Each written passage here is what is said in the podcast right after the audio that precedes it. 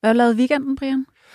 Og jeg var inviteret til Flemming Østergaard, Donøs fødselsdag, 80 års fødselsdag. Så øh, der kørte jeg selvfølgelig lige op, ikke? Altså, det vil sige, I venner, eller, eller hvad? Ja, som be- bekendte venagtigt ud til fodbold. Øh, helt vi snakker, som om vi kender hinanden rigtig godt i hvert fald. Men det kan da være, at vi skal prøve at få ham ind en dag, så. Kunne det ikke være meget sjovt? Hvis du er i tvivl om vonden, så spørger du bare Don. okay. Okay, wow. Udover venner, så er du også en slags øh, slogan med for den store Donø. Ja. Men, øh, men du, jeg synes, vi skal prøve at, at, få ham ind. Altså, nu har vi hørt om Stein Bakker, Flemming Østergaard kunne jo også være interessant. Har du andre øh, sådan erhvervspersonligheder øh, på din venneliste?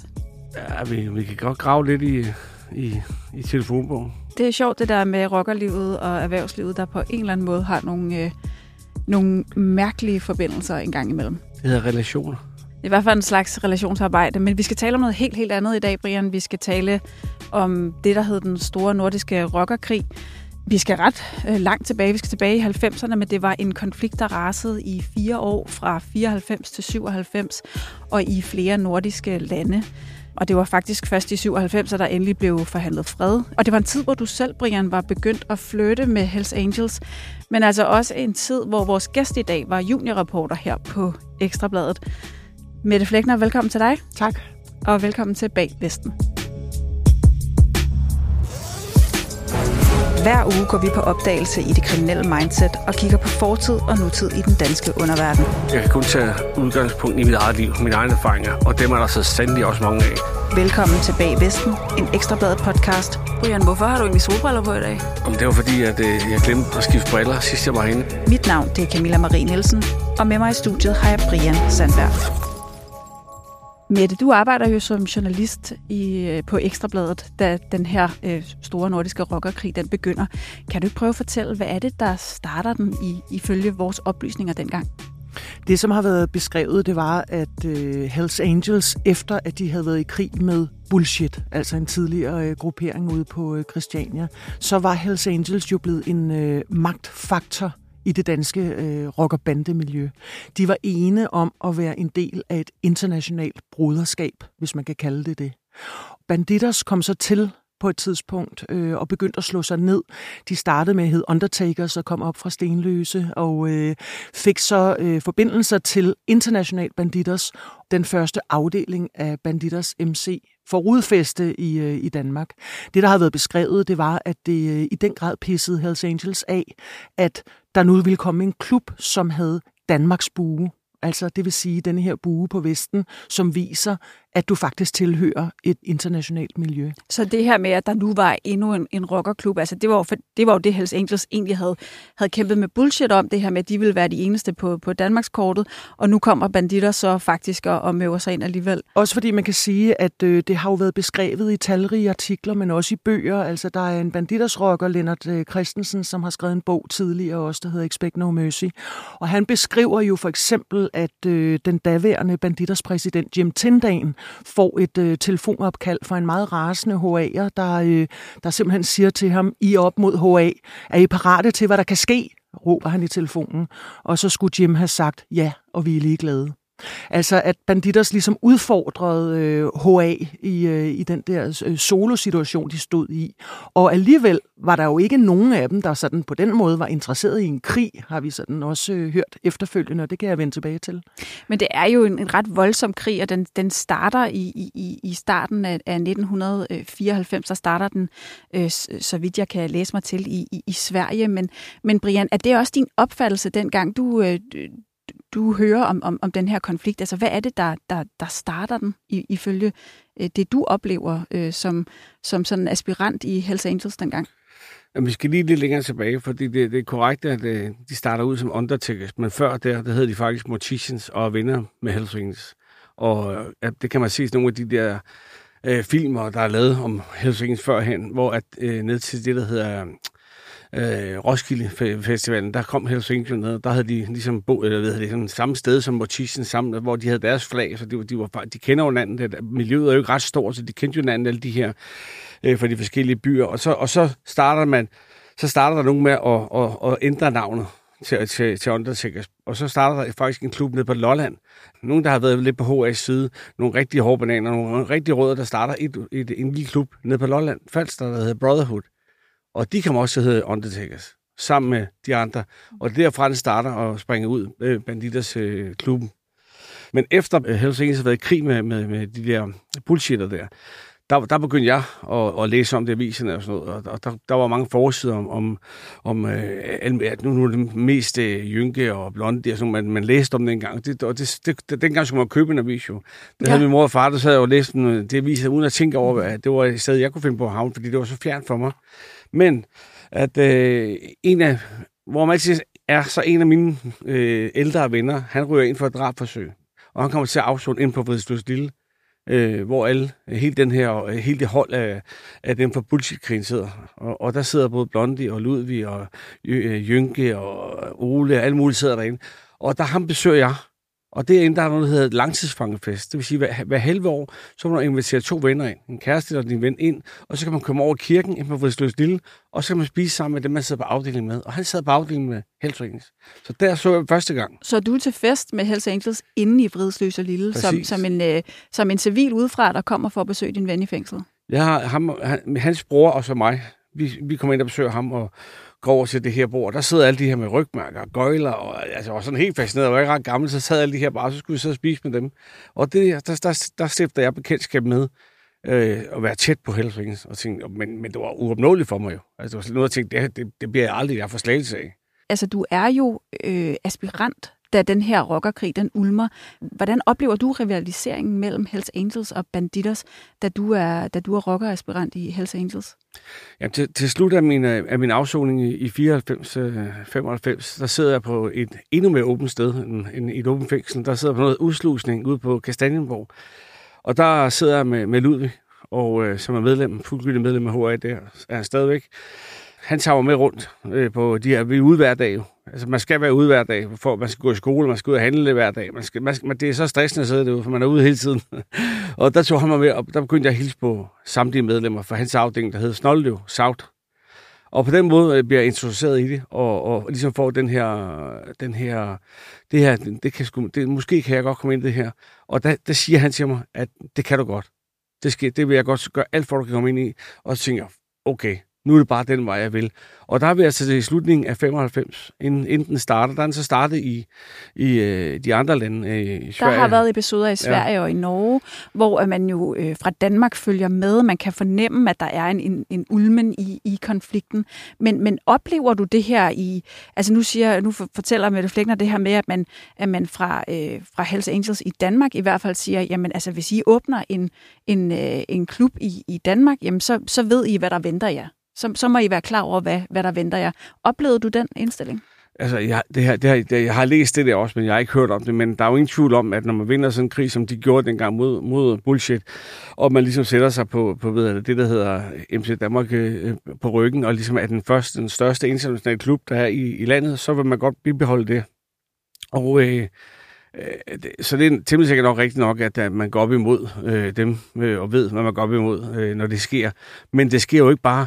Altså, fordi det øh, starter, så, så, så, kan jeg, så, så ved jeg bare, at det er jo flere små konfrontationer med folk, der ligesom at starte. Ligesom, jeg forklarer, den der afdeling er rimelig vigtig nede på Lolland der, for det, det er faktisk nogle eks-HR, der, der begynder, nogle ældre, der begynder at være med i den afdeling dernede.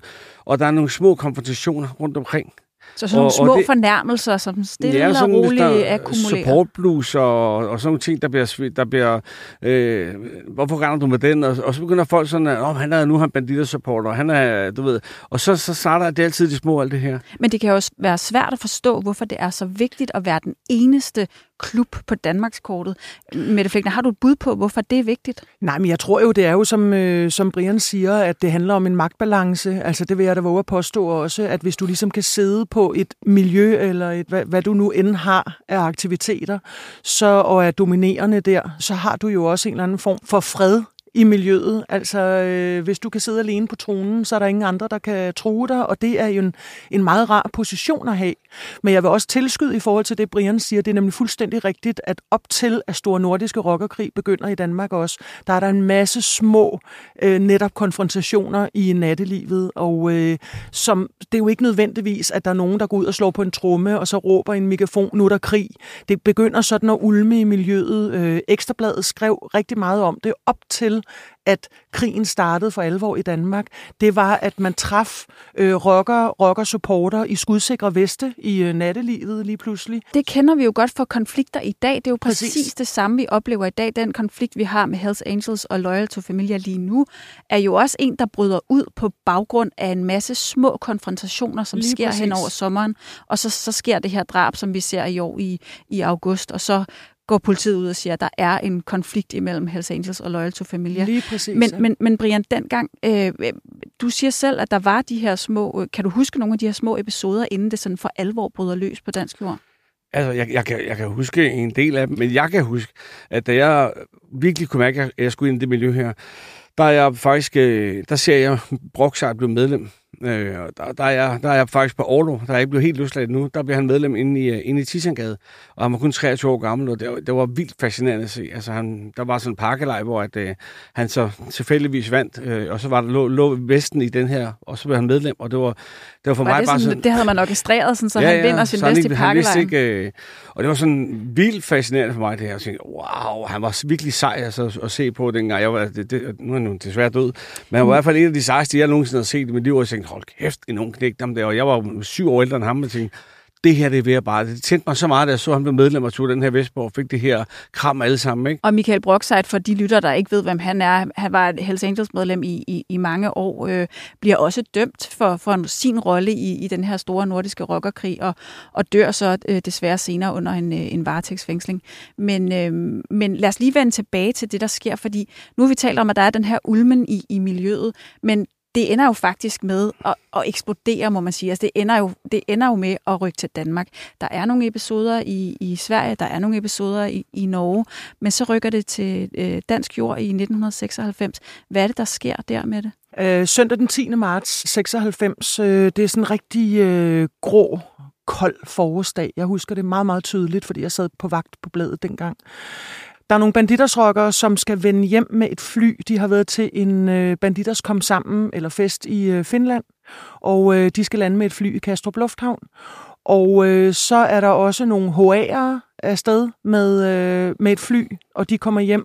Og så er der en modtagelseskomité for HA'erne ude på parkeringspladsen. Altså der er nogen, der skal hente deres øh, hjemvendte brødre.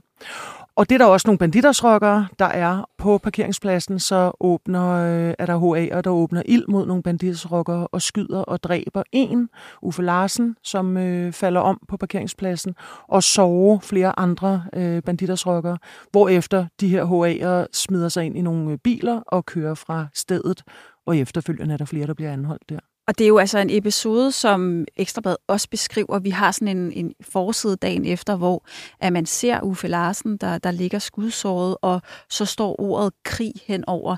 Altså der konstaterer Ekstrabladet, at nu må krigen mellem øh, Banditers og Hells Angels altså være, være brudt ud efter alt den her øh, ulmen. Det er et øh, koordineret angreb, beskriver vi, altså det her med, at man i hvert fald på en eller anden måde har aftalt, at, at det, skulle, øh, det skulle finde sted.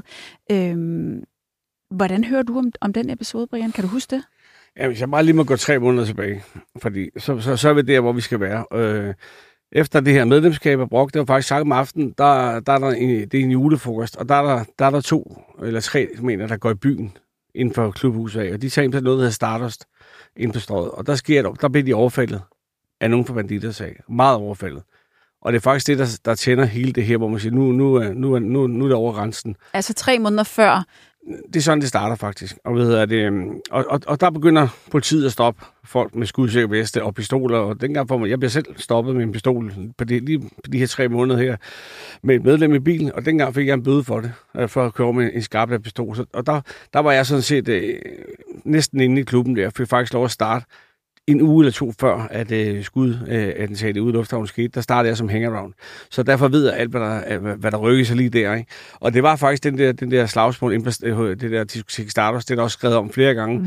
Der er ligesom tænkt, nu, nu, nu er det en krig. Nu, mm. nu, nu, nu, nu går man i kød på hinanden. Ikke? Og så sker det her, øh, det her drab her på, på, ude, i, ude i lufthavnen.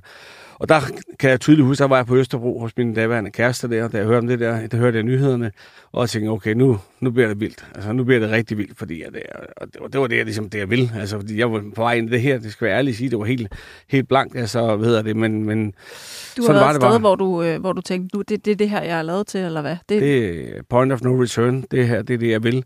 Og øh, det jeg også klar til at sidde 16 år fængsel for. Øh, så det, det, var, det var sådan, det var. Uden at tænke når bagud om på min familie, mor og far, det var helt, helt sort, og sådan tænker jeg tilbage nu, men det var bare det, jeg vil. Øh, og det her, det var det mest brutale. Altså, det var virkelig, nu var der gang i den. Og, og hvad sker øh, der helt lavpraktisk, når, jamen, sådan, når sådan et attentat sker? Bliver I kaldt ind i klubhuset? Er der, er der krisemøde? Altså, hvad, hvad, hvad sker der helt lavpraktisk, når sådan noget sker? Ja, det, nu er medierne jo rimelig hurtige, men jeg vil bare lige sige, at efter, efter det der ude lufthavn der, øh, der, der, der kom man også frem med retssagen, det var ikke aftalt eller noget. Det var jo, det var, de var med samme fly, de havde været til en eller anden Tasso Convention, det tror jeg det var, mener det var i Finland og altså sidder med samme fly, og derfor ringer man hjem til de her stationære telefoner, klubhusene har dengang. Jeg siger, vi, vi skal hente så der er vi ikke alene, og der bliver snakket over de her telefoner, som er aflyttet. Og derfor ved man, at begge parter øh, lander derude. Og det er sådan lidt, det, jeg tror, det er sådan lidt tilfældigt, hvad, hvad, også hvad, hvad ved hedder det, retssagen siger bagefter, at man bare simpelthen springer afsted og kører ud i sin egen bil og sådan noget. Så det er meget tilfældigt. Så, så kan det ikke være mere, så er det i hvert fald ikke noget, der er planlagt, hvis man mm. kører sin egen bil. Ej, det er i hvert fald ikke en længere forudgående planlægning, men, men uh, planlægningen kommer jo i mange grader. Man kan sige, hvis man, man sætter sig ind i en bil med et våben og kører ud for at mødes med nogen, så er der i hvert fald en grad af... Det er impulsivt, hvis du gør det i hvert fald. Hvis du planlægger noget, så har du en stjålet bil. Måske i rockerlivet, men uh, jeg tror ikke, hvis man... Uh, ja, men det er ikke rockerlivet, vi snakker om? Jo, men hvis okay. man følger juraen så, og, og også andre dødelige mennesker, så tror jeg, at, at man i hvert fald tænker, at hvis man medbringer et våben, så, uh, så ved man, at der i hvert fald kan ske noget.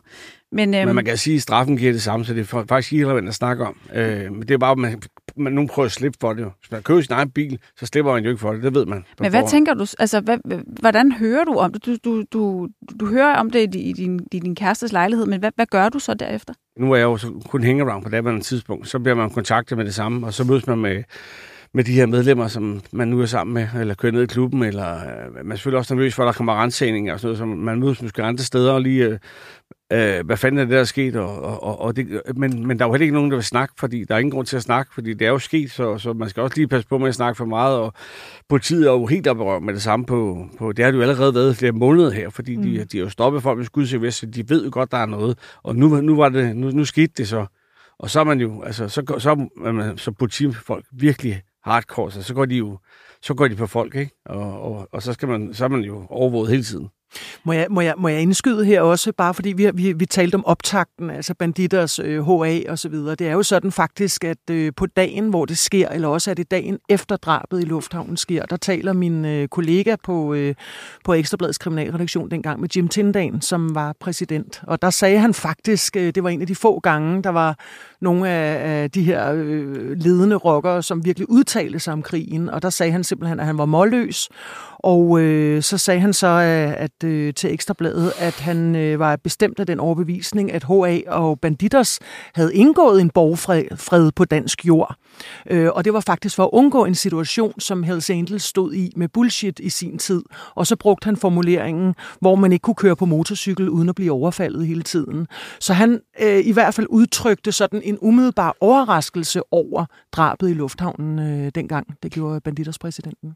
Men altså, det er jo hverken værre eller bedre, end at, at det jo ikke der er, der er ikke nogen borgfred. Altså efter den her, øh, det, det her drab ude i, i lufthavnen, der, øh, som Brian siger, så virker det lidt som point of no return, fordi det er jo her, den starter på dansk jord, og så udvikler det sig faktisk ret øh, voldsomt. Hvad er det, der, der sker med det? Du, du er jo øh, øh, altså juniorreporter på det her tidspunkt. Jeg kunne forestille mig, at du bliver sendt ud til alt muligt. Jeg har rykket ud til hvad som helst, og det var, øh, det var jo fuldstændig afsindige våben, der blev taget i brug. Altså øh, skydevåben kender vi alle sammen godt til øh, i, i forskellige kriminelle opgør, men øh, i Store Nordiske Rockerkrig, der var det jo blandt blandt andet håndgranater. Øh, der blev øh, jeg rykket ud til en sag ude i Brøndshøj, hvor der var et øh, Hells Angels medlem, der blev kaldt øh, Bremse, og hvor der var nogle banditersrokker, der øh, kastede øh, en håndgranat øh, efter ham, mens han gik og ordnede sit plankeværk. Han havde et lille hus ude på, øh, på et gadehjørne i Brøndshøj og øh, han mistede øh, en del af sit ben øh, ved det attentat. Ved, øh, senere så var der, øh, du, jeg tror du nævnte øh, Snollelev øh, Hells Angels nede ved Roskilde. Der blev der sendt en panserværnsraket ind gennem øh, deres hustag, hvor der lykkeligvis ikke kom nogen til skade, men hvor at øh, bygningen nærmest øh, nedbrændte, i hvert fald anden salen. Jeg kan huske, Ekstrabladet havde sådan en oversigtsbillede, hvor man så det op fra, og så hed det Fort Åben Himmel, altså fordi okay. at øh, hele tagetagen var simpelthen øh, smadret fuldstændig fuldstændigt, øh, og man kunne nærmest kigge ind sådan lidt ovenfra i, øh, i Rockerborgen. Og så var der jo så det mest berømte attentat af dem alle, nemlig øh, den her frygtelige, frygtelige attentat på en Hells Angels fest i Titangade om efteråret. Ja, og altså, fordi hvis man virkelig skal forstå, hvor voldsomt de her panserværnsraketter var, så, så skal man kigge på, på netop det angreb. Prøv at, at fortælle med det, hvad det var, der, øh, der skete der i, i klubhuset på Titangade på Nørrebro. Hells Angels uh, Copenhagen havde på daværende tidspunkt en, uh, en bygning i uh, Titangade og skulle holde en uh, kæmpe fest. Så vidt jeg ved, var det en vikingfest. Jeg er, Brian, du må rette mig, hvis du, uh, hvis du ved nogle flere rigtigt. detaljer der. Det er rigtigt, ja. Og uh, de havde, um, politiet sagde efterfølgende, de havde bedt dem om at, at droppe den fest men Hells Angels havde insisteret på, at den ville de gennemføre. Og jeg var selv derude om eftermiddagen, fordi politiet havde så lavet afspærringer rundt omkring Rockerborgen, og der begyndte bedst gæsterne at komme. Og ud over rockere fra øh, hele Skandinavien og Norden, så var det også øh, unge piger og kvinder, der skulle ind til fest, og alle blev lige visiteret af politiet, og deres navne blev noteret. Øh. Og der stod jeg sådan og talte som, hvad skal man sige, øh, udadgående reporter om, at nu skulle, øh, nu skulle øh, rockerne holde den her fest. Og øh, beboerne fortalte, hvordan de havde hørt, at øh, HA'erne havde afprøvet deres musikanlæg og vidste, at det her ville blive meget højt om natten. Og selvom der ligesom havde været de her, øh, man godt vidste, der var en konflikt i gang, så var der jo ingen, der drømte om, hvad det var, at hvad der faktisk ville komme til at ske den nat. Fordi der var en, der kravlede op på et garagetag, øh, nogle hundrede meter væk. Og det vi snakker altså, mens politiet egentlig er i området, og den her fest er i gang. Og tidligere om morgenen, så affyrer han en panserværnsraket, der går ind gennem taget til øh, Rockerborgen, og der er to personer, der bliver slået ihjel, og øh, 19, der bliver såret. Så mens politiet bevogter den her Hells Angels klubhus, så lykkes det altså ind at fyre en raket over og, og, og simpelthen smadre det hele? Der er politi i området i hvert fald, øh, og, øh, og øh, så kører det rigtigt, så bliver den her panserværnsraket sendt ind i huset, og en panserværnsraket eller granat er jo sådan noget, noget, der roterer, som kan egentlig er beregnet til at sende ind i krig gennem en, øh, en tank eller en pansret mandskabsvogn. Øh, men, men det kan altså så bruges som våben til, at det kører ind gennem murstenene i den her hus og forårsager en, en masse øh, øh, fragmenter af mursten og cement osv., der bliver kylet rundt i lokalet. Og en af de dræbte er en, øh, en øh, kvindelig gæst til festen. Brian, øh, er du egentlig med til den her fest på det her tidspunkt? Altså, til alt held var, kan man sige, var, var jeg chauffør for, for Ludvig. Han sad inde med, og afsonede 16 år, så han øh, var sådan en sidste del af sin afsoning, så ham kørte jeg rigtig meget rundt med. Øh, han var faktisk på universitetet, så der satte jeg ham af, og så fik jeg sådan fri og boede på, på Æggesgade. Og så tog jeg hjem og skulle hente ham igen, så jeg var sådan meget be, øh, beskæftiget med ham, fordi at, øh, han var et højstående medlem. Så han, han sendte mig faktisk hjem og sove da raketten kom ned i Snoldøv. Så havde jeg også været dernede, og, og det er rigtigt, den blev skudt øh, i, i det øverste. Der, der var jeg på prøve ned i, i Snoldøv dengang der. Øh, så den, den havde ikke kunnet gøre noget alligevel, fordi de, dem, der kender til Snoldøv, ved godt, man ikke ligger så over der i, i en krig. Den ligger man jo nede og sover. Men det er så også lige meget. Og da panservandsraketten inde på, i Tissagade kom, der, der var på grund af den pistol, jeg blev taget med tidligere, hvor jeg fik en bøde. Øh, så var der også en lille voldssag, desværre, på en dørmand, der har været lidt for dum. Øh, ifølge min hjerne dengang, der hvor jeg var meget ung og, og var på prøve i HA. Så der fik jeg 30 dages fængsel og sad inde på Vridshus Lille statsfængsel og afsonede 30 dage. Og der blev jeg selvfølgelig vækket af, hvad hedder det, øh, af vagterne. Det gjorde alle, der var med i klubben. De blev væk af vagterne og ligesom fik at vide, at der, der er sket det her, om vi, om vi havde nogle pårørende, vi vidste, der var derinde, så måtte man godt ringe til dem. Okay. Han havde kæreste eller, en, eller et eller andet. Det havde jeg jo ikke dengang. Jeg havde ikke noget som helst, så jeg havde ikke nogen, der var derinde. Min mor og far kom ikke nogen steder, så... Ja. Hvordan var stemningen? Ja, det var bare, wow, okay. Altså, men, men igen, så når vi snakker om alle de her, alle de her krige, øh, bandekrig og rockerkrig, så det, det har jo ikke ændret sig. Det er jo stadig vildt og brutalt. Det var det også dengang. Det er det også nu. Det er det også, der, der er jo ikke noget nyt i det. Altså, det er jo stadig en, en krig og en krig, så er det brutalt og ulækkert, og, og, og hvad det, at folk bliver stået ihjel. Øh, men, men det, det var ikke anderledes dengang, end, end det er nu. Men altså... man, kan, man kan sige, at brugen af våben dengang er måske en lille bitte smule anderledes, end hvad vi ser i dag. Nu ved jeg godt, at den, den konflikt, vi ser lige nu mellem Loyal to Familia og, og Hells Angels, der har der i hvert fald ifølge politiet været en, en, en springladning involveret. Der har været en, en bombe ude ved, ved klubhuset på, på Svanevejen. En mindre en af slagsen. Men jo slet ikke, altså, ikke fordi man skal, det er jo ikke en, en, en, en konkurrence, eller man skal ikke måle noget med noget, men, men dengang, altså panserværnsraketter, det var jo usædvanligt, eller det vil sige, det er i hvert fald noget, der, der holdt sig til Store Nordiske Rockerkrig. Det, det, det, vi har jo ikke set det siden, øh, heldigvis må man sige for det. Og jeg kan da også huske, altså hvis jeg bare kan give et lille blik, fordi jeg, jeg, bliver, øh, jeg bliver faktisk ringet op af en kollega der øh, tidligt om morgenen, øh, kort efter det er sket, øh, og hvor han bare siger, Mette, kan du rykke til Titangade, der er eksploderet en bombe. Det var lige sådan den umiddelbare øh, reaktion, man havde fra alarmcentralen, og alt det politi og ambulance, der rykkede ud. Og øh, jeg kom derud, og der mødte jeg øh, blandt andet en, øh, en, en HA'er fra Sverige, som jeg havde mødt om eftermiddagen. Altså det var jo ikke sådan, at... Øh, at rockerne synes, det var mega fedt at tale med pressen dengang. Heller ikke dengang. Øh, men, men, men der var faktisk en, hvor man lige havde vekslet nogle bemærkninger der, da, vi, da jeg stod som journalist ved afspærringen og spurgte, nok glæder I jer til festen, og hvad man nu spurgte om dengang. Og øh, ham ser jeg komme ud efter, altså da jeg kommer til Titangade, der er det jo blå blink og ambulancer, der kører i pendulfart frem og tilbage, og øh, politi og den der mørke nat, det var i oktober eller tidlig morgen der, øh, og øh, sådan et underligt øh, inferno af, af, af både øh, chokerede mennesker, der kommer ud med sådan nogle kæmpe øjne, og, øh, og så alle de der blå blink. Og der kommer ham der, rockeren fra Sverige, ud og siger til mig, eller jeg går, jeg går hen sådan, øh, og siger, fordi jeg havde set ham om eftermiddagen, er du okay? Og så siger han, øh, han stod op på øh, toilettet, og da, da det her brag bare kommer fuldstændig, og han mm. så virkelig chokeret ud, og så kom der så nogle af hans brødre og, og hive ham videre. Ikke? Men, men som du siger, altså en panserværnsraket, altså det er jo krigsvåben, og, øh, og det var jo det, man havde set det tidligere, som du nævner også med, med Snollelev. Vi havde set håndgranater. Er noget helt specielt at anvende sådan nogle våben. Ikke? Men så lad os lige bundet det med panservandsraketten, for det er korrekt, den er lavet, når jeg har været i militæret. Den er lavet til at bryde ind i en panser, altså i, i, i, pan, i, i, ja, i stål, og så når den kommer igennem der, for den varmer altså igennem der, så, så springer den. Ja. Men hvis den så ryger ind i, i sådan et klubhus, hvor den bare er blødt, så var man jo bare, for den, for ikke, den springer jo ikke. Jo. Og problemet inde i Tissengade var, at det var et så lille rum faktisk, med fuld af, i sådan en klubhus, der var billeder, og de fleste i, i spejl jo, altså med øh, alle mulige gaver, man får, som hænger helt tæt sammen øh, af billeder i hele lokalet. Og, og ham der øh, prøvede med dem, der dør, han bliver jo ramt af, det, af, det her, af den her raket, der kommer ind.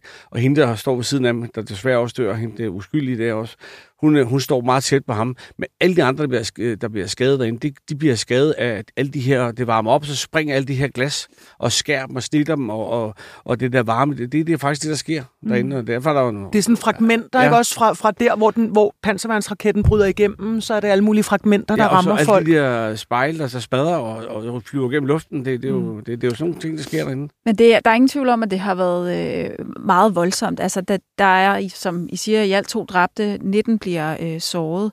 Øh, finder man egentlig ud af, hvem der gør det med det? Ja, det gør man. Øh, man finder i øh, området over ved øh, garagetaget på en flugtrute væk derfra, der finder man blandt andet en elefanthue, hvor der er en lille bloddråbe, en lille blodafsmitning på indersiden af den her elefanthue. Og øh, det fører efterfølgende til, at politiet anholder en øh, banditersrokker.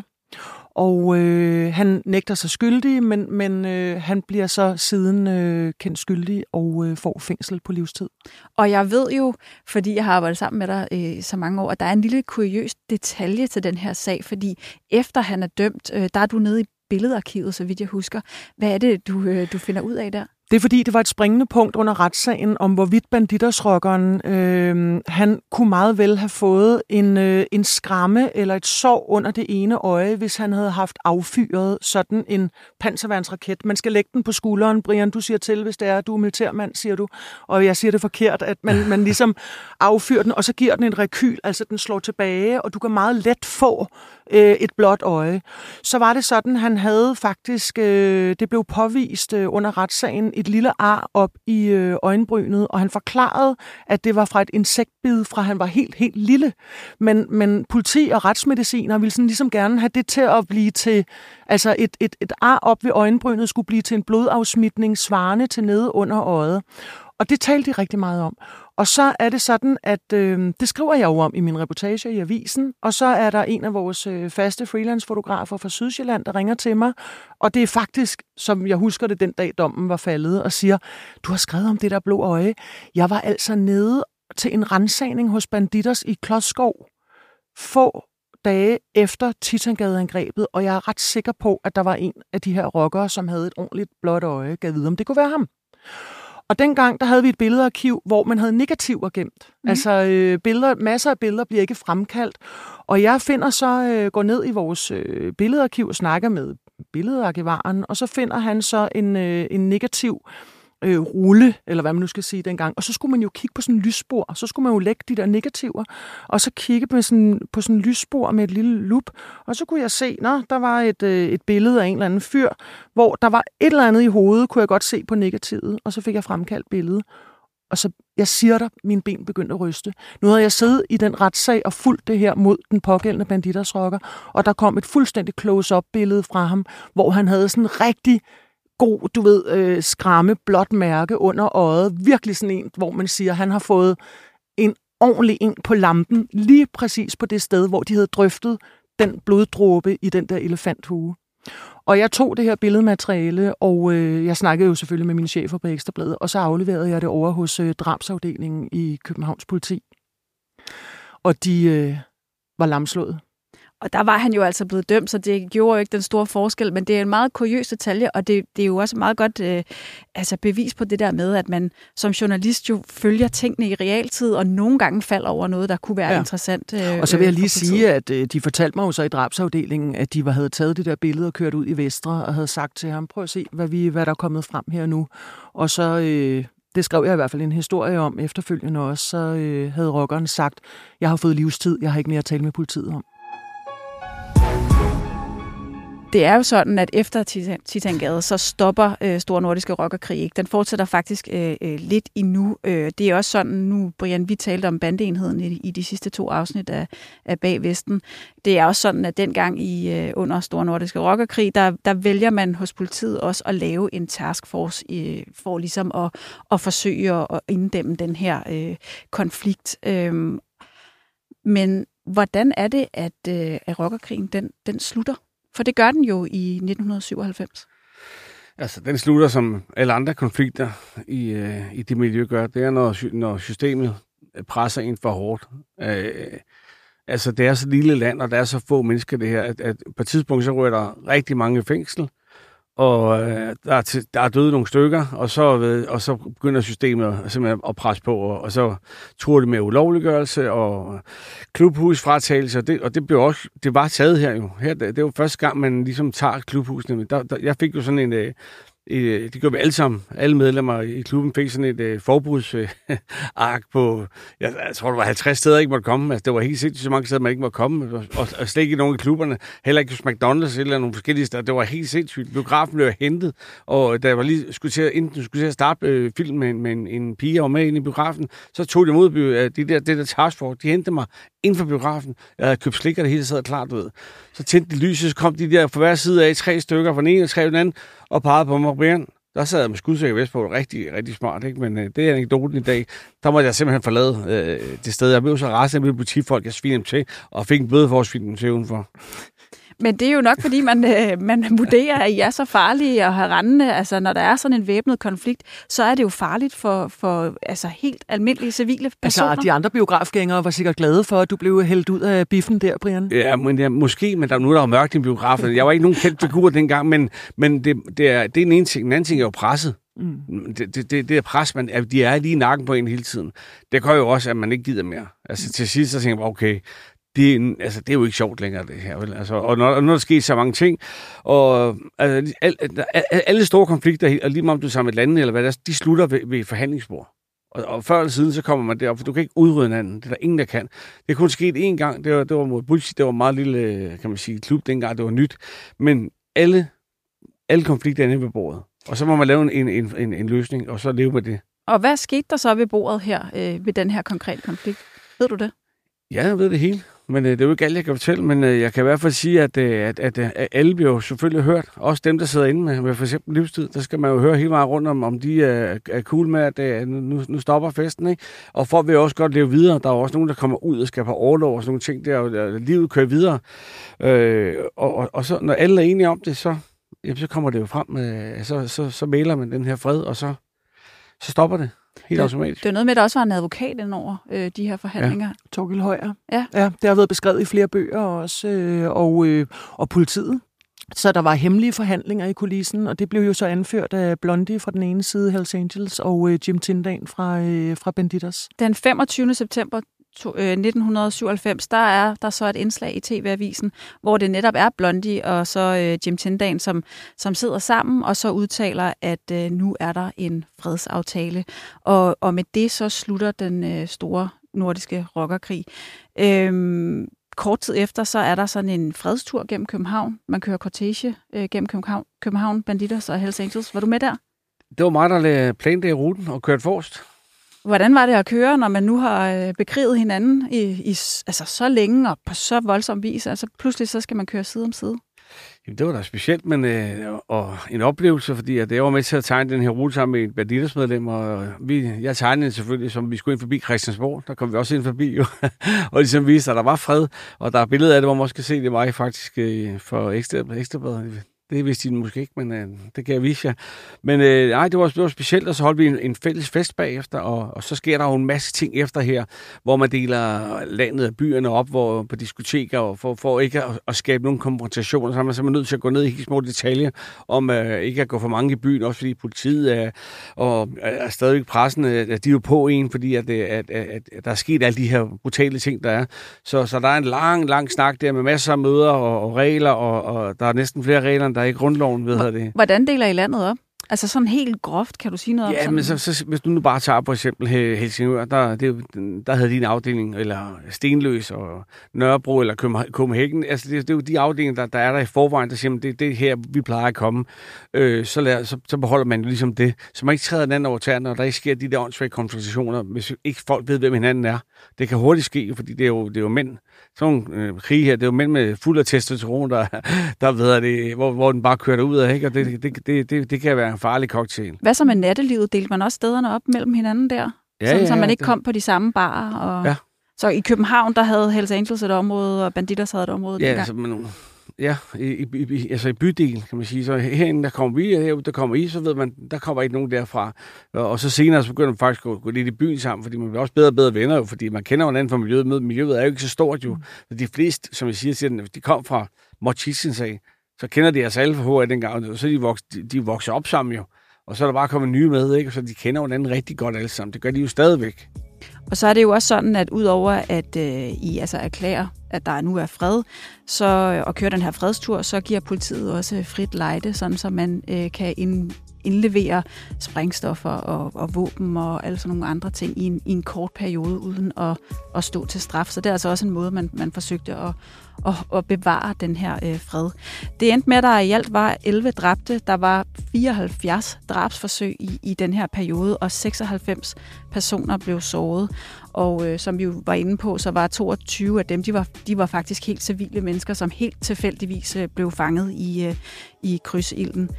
Øhm, I skal have tak, fordi I var med og gjorde os øh, lidt klogere på den her blodige periode i øh, den danske rockerhistorie. Tak til dig, Mette Flækner. Selv tak. Og tak til Rasmus Søgaard ude i regien. Med mig i studiet havde jeg Brian Sandberg, og øh, tak fordi I lyttede med. Vi høres ved i næste uge.